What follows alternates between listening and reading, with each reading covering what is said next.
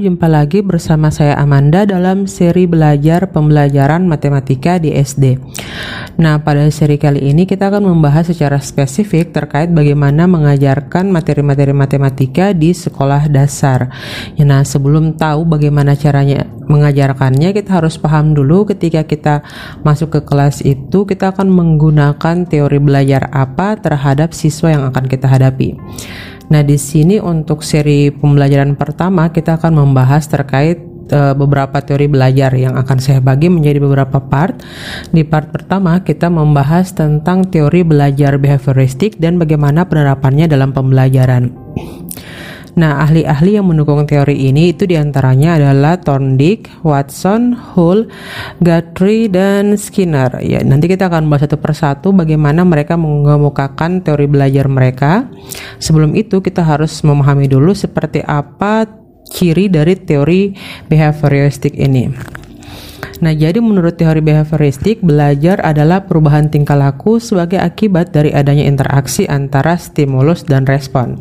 Dengan kata lain, belajar merupakan bentuk perubahan yang dialami siswa dalam hal kemampuannya untuk bertingkah laku dengan cara yang baru sebagai hasil interaksi antara stimulus dan respon. Seseorang dianggap telah belajar sesuatu jika ia dapat menunjukkan perubahan tingkah lakunya. Sebagai contoh, siswa belum dapat berhitung perkalian. Walaupun ia sudah berusaha giat dan gurunya sudah mengajarkan dengan tekun. Namun jika anak tersebut belum dapat mempraktekkan perhitungan perkalian, maka ia belum dianggap belajar. Karena ia belum dapat menunjukkan perubahan perilaku sebagai hasil belajar. Nah, menurut teori ini yang terpenting adalah unsur masukan atau input yang berupa stimulus dan keluaran atau output yang berupa respon. Nah, stimulus sendiri merupakan apa saja yang diberikan guru kepada siswa, misalnya daftar perkalian, alat peraga, pedoman kerja, atau cara-cara tertentu untuk membantu belajar siswa. Sedangkan respon adalah reaksi atau tanggapan siswa terhadap stimulus yang diberikan oleh guru. Menurut teori ini, apa yang terjadi di antara stimulus dan respon dianggap tidak penting diperhatikan karena tidak dapat diamati dan tidak dapat diukur. Yang dapat diamati hanyalah bagaimana stimulus yang diberikan dan bagaimana respon atau output yang diberikan oleh siswa. Oleh sebab itu, apa saja yang diberikan guru dan apa saja yang dihasilkan siswa semuanya harus dapat diamati dan dapat diukur. Teori ini mengutamakan pengukuran sebab pengukuran merupakan suatu hal yang penting untuk melihat terjadi tidaknya perubahan tingkah laku tersebut. Nah, ada juga faktor lain yang dianggap penting oleh aliran behavioristik. Di antaranya itu adalah faktor penguatan atau reinforcement. Jadi penguatan adalah apa saja yang dapat memperkuat timbulnya respon. Bila penguatan ditambahkan atau diberi penguatan positif, maka respon akan semakin kuat. Begitu pula sebaliknya. Jika penguatannya dikurangi, respon pun akan uh, respon pun akan mengalami pengurangan ya. Jadi misalnya ketika siswa diberi tugas oleh guru, di sini tugasnya ditambahkan, maka ia akan semakin giat belajar lagi. Makanya penambahan tugas tersebut merupakan penguatan positif dalam belajar. Sementara bila tugas-tugasnya dikurangi dan pengurangan pengurangan ini juga dapat menurunkan aktivitas belajar dari siswa. Nah, jadi penguatan itu merupakan suatu bentuk stimulus yang penting diberikan atau ditambahkan untuk memungkinkan terjadi terjadinya respon. Nah, selanjutnya kita akan melihat bagaimana tokoh-tokoh dari aliran behavioristik ini mereka mengemukakan pendapatnya. Yang pertama itu adalah teori belajar menurut Edward Lee Thorndike. Nah, jadi menurut Thorndike ini belajar adalah proses interaksi antara stimulus dan respon.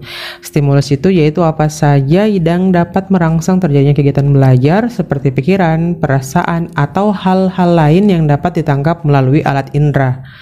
Sedangkan respon yaitu reaksi yang dimunculkan siswa ketika belajar yang juga dapat berupa pikiran, perasaan, atau gerakan.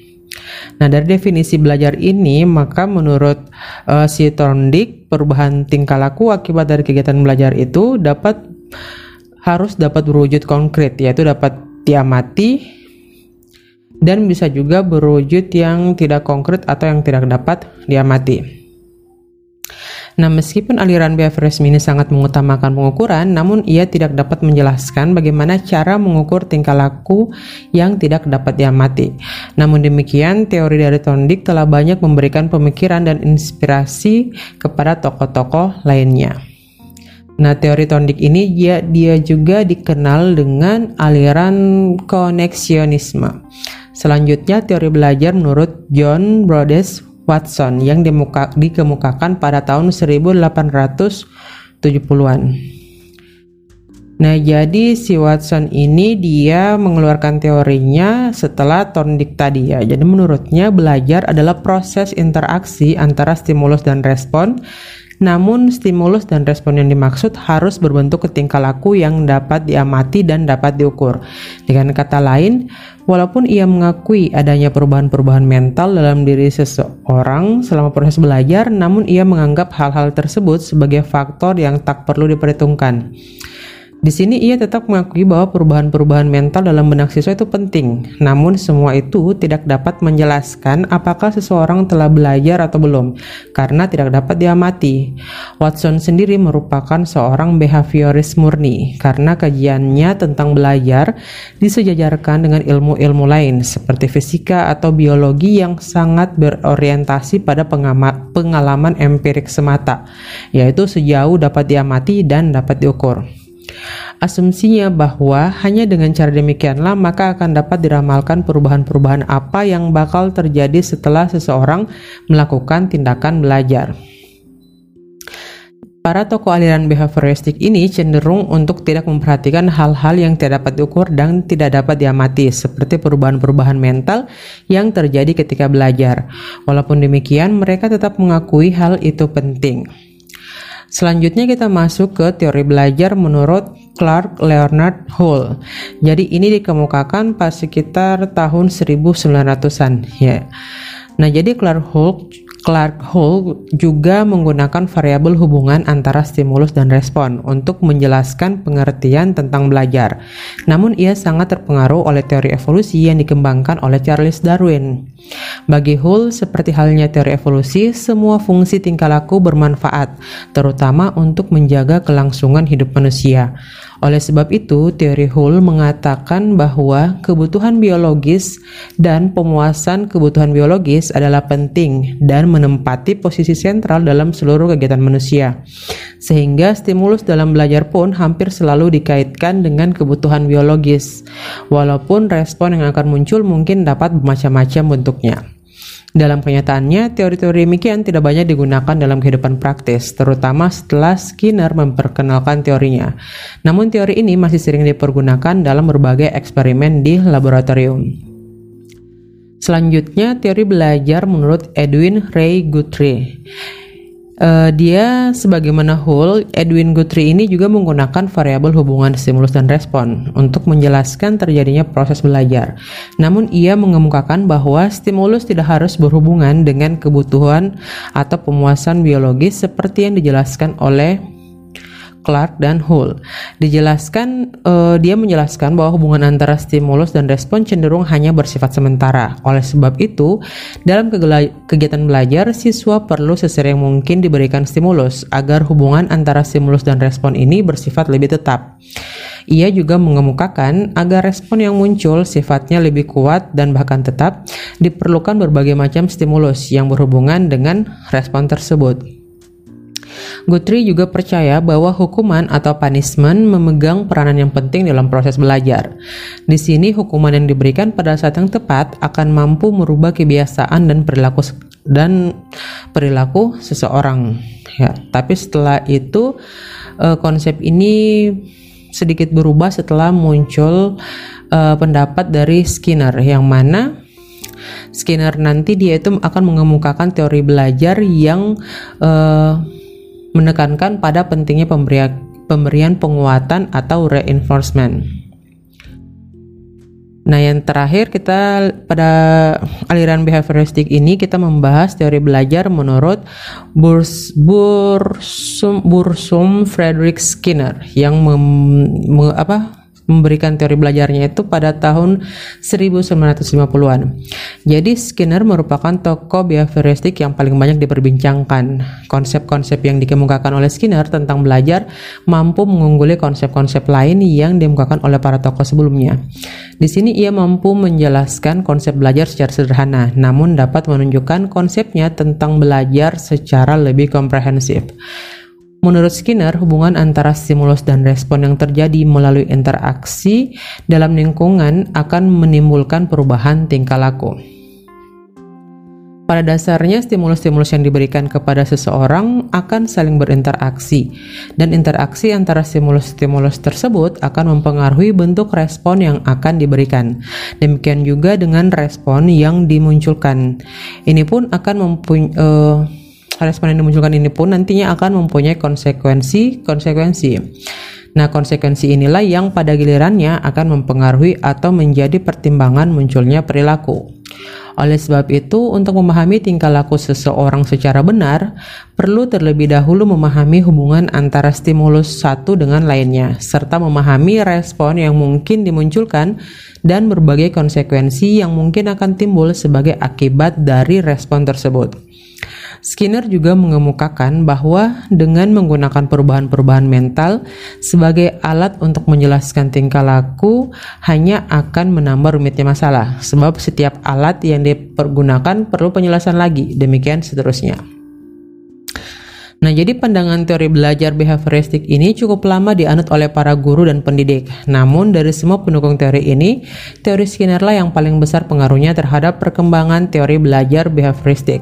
Program-program pembelajaran seperti teaching machine, pembelajaran berprogram, modul, dan program-program pembelajaran lain yang berpijak pada konsep hubungan stimulus respon serta mementingkan faktor-faktor penguat atau reinforcement merupakan program-program pembelajaran yang menerapkan teori belajar yang dikemukakan oleh Skinner ini. Nah, teori teori behavioristik banyak dikritik karena sering kali tidak mampu menjelaskan situasi belajar yang kompleks.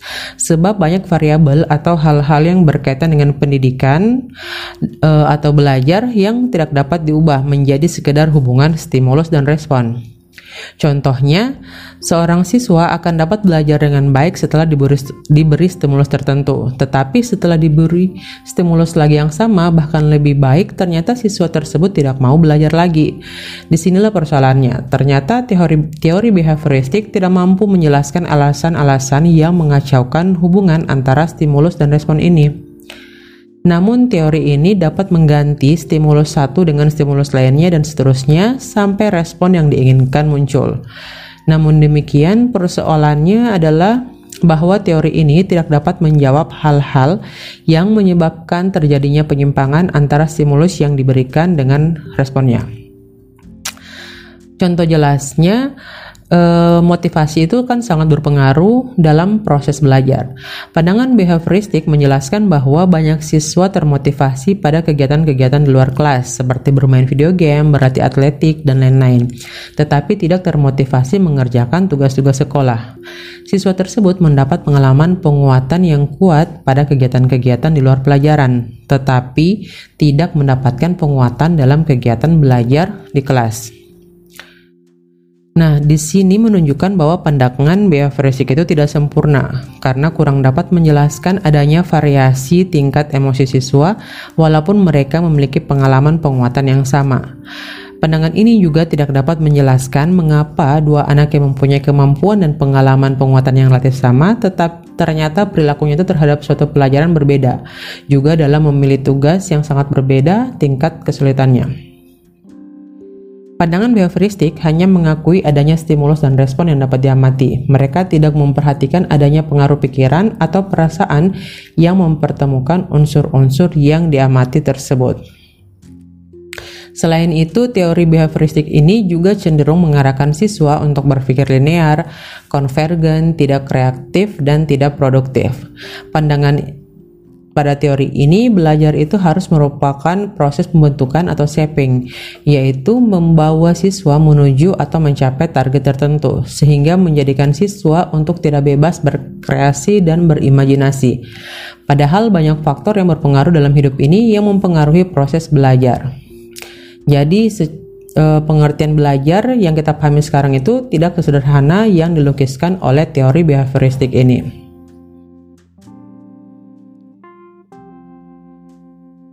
Nah, Skinner dan tokoh-tokoh lain pendukung teori behavioristik memang tidak menganjurkan digunakannya hukuman dalam kegiatan belajar.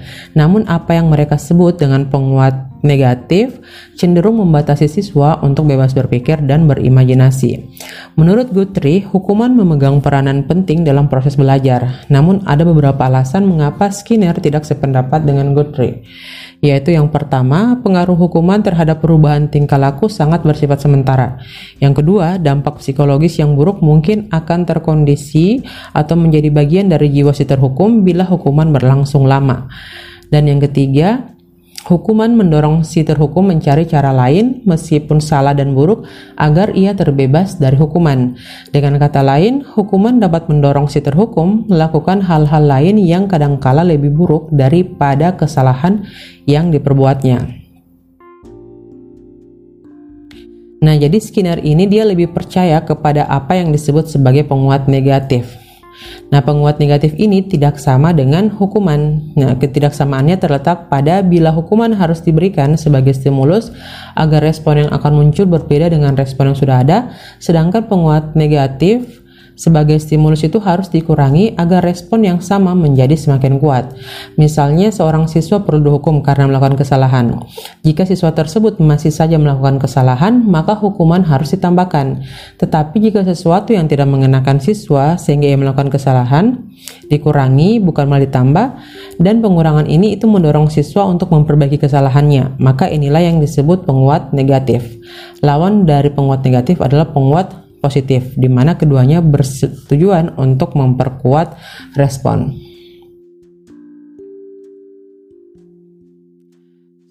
Selanjutnya kita masuk ke aplikasi teori behavioristik ini dalam kegiatan pembelajaran. Nah, aliran psikologi belajar yang sangat besar pengaruhnya pada peng pengembangan teori dan praktik pendidikan itu adalah pembelajar uh, aliran behavioristik ini. Aliran ini menekankan pada terbentuknya perilaku yang tampak sebagai hasil belajar.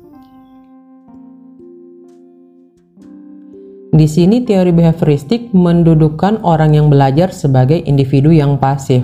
Respon atau perilaku tertentu dapat dibentuk karena dikondisi dengan cara tertentu dengan menggunakan metode drill atau pembiasaan semata. Nah, munculnya perilaku akan semakin kuat bila diberikan penguatan dan akan menghilang bila dikenai hukuman.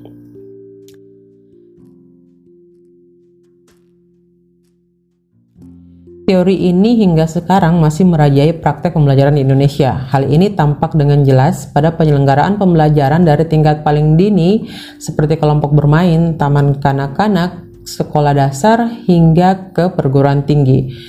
Di sini pembentukan perilaku dengan cara drill atau pembiasaan disertai dengan penguatan atau hukuman masih sering dilakukan. Aplikasi teori behavioristik dalam kegiatan pembelajaran tergantung dari beberapa hal seperti tujuan pembelajaran, sifat materi pelajaran, karakteristik siswa, media, dan fasilitas pembelajaran yang tersedia. Pembelajaran yang dirancang dan dilaksanakan berpijak pada teori behavioristik memandang bahwa pengetahuan adalah objek, pasti, tetap, dan tidak berubah. Pengetahuan telah terstruktur dengan rapi, sehingga belajar adalah perolehan pengetahuan. Sedangkan mengajar adalah memindahkan pengetahuan ke orang yang belajar atau siswa. Jadi istilahnya pengetahuan itu dia ditransfer langsung dari guru ke siswa. Siswa diharapkan akan memiliki pemahaman yang sama terhadap pengetahuan yang diajarkan.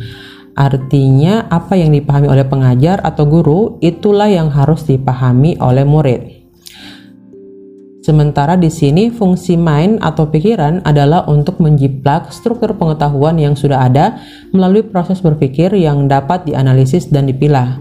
Sehingga makna yang dihasilkan dari proses berpikir seperti ini ditentukan oleh karakteristik struktur pengetahuan tersebut.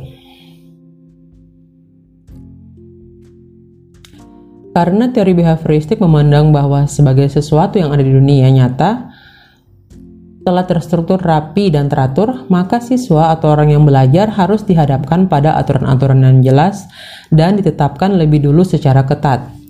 Pembiasaan dan disiplin menjadi sangat esensial dalam belajar, sehingga pembelajaran lebih banyak dikaitkan dengan penegakan disiplin. Kegagalan atau ketidakmampuan dalam penambahan pengetahuan dikategorikan sebagai kesalahan yang perlu dihukum, sementara keberhasilan belajar atau kemampuan dikategorikan sebagai bentuk perilaku yang pantas diberi hadiah. Demikian juga ketaatan pada aturan dipandang sebagai penentu keberhasilan belajar. Di sini siswa atau uh, siswa adalah objek yang harus berperilaku sesuai dengan aturan, sehingga kontrol belajar harus dipegang oleh sistem yang berada di luar diri siswa. Tujuan, tujuan pembelajaran menurut teori behavioristik ini ditekankan pada penambahan pengetahuan, sedangkan belajar itu sebagai aktivitas mimitik yang menuntut siswa untuk mengungkapkan kembali pengetahuan yang sudah dipelajari dalam bentuk laporan, kuis, atau tes.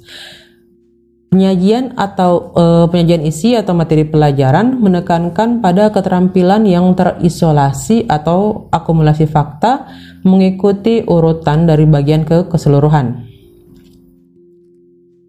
Pembelajaran mengikuti urutan kurikulum secara ketat sehingga aktivitas belajar lebih banyak didasarkan pada buku teks atau buku wajib dengan penekanan pada keterampilan mengungkapkan kembali isi buku teks wajib tersebut.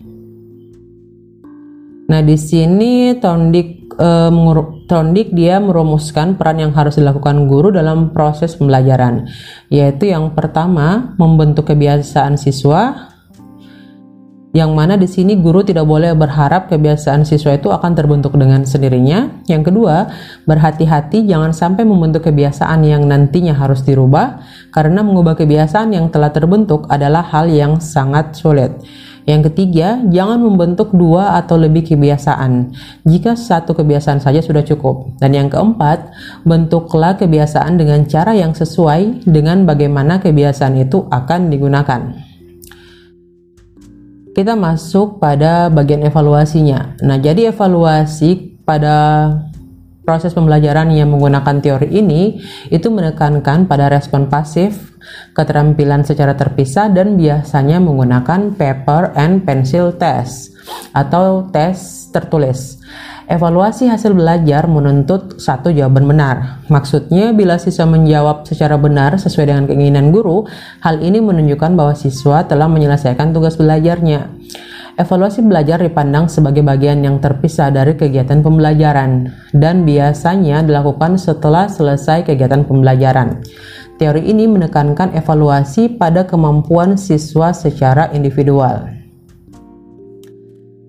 Nah, salah satu contoh pembelajaran behavioristik adalah pembelajaran terprogram, di mana pembelajaran terprogram ini merupakan pengembangan dari prinsip-prinsip pembelajaran operant conditioning yang dibawa oleh Skinner.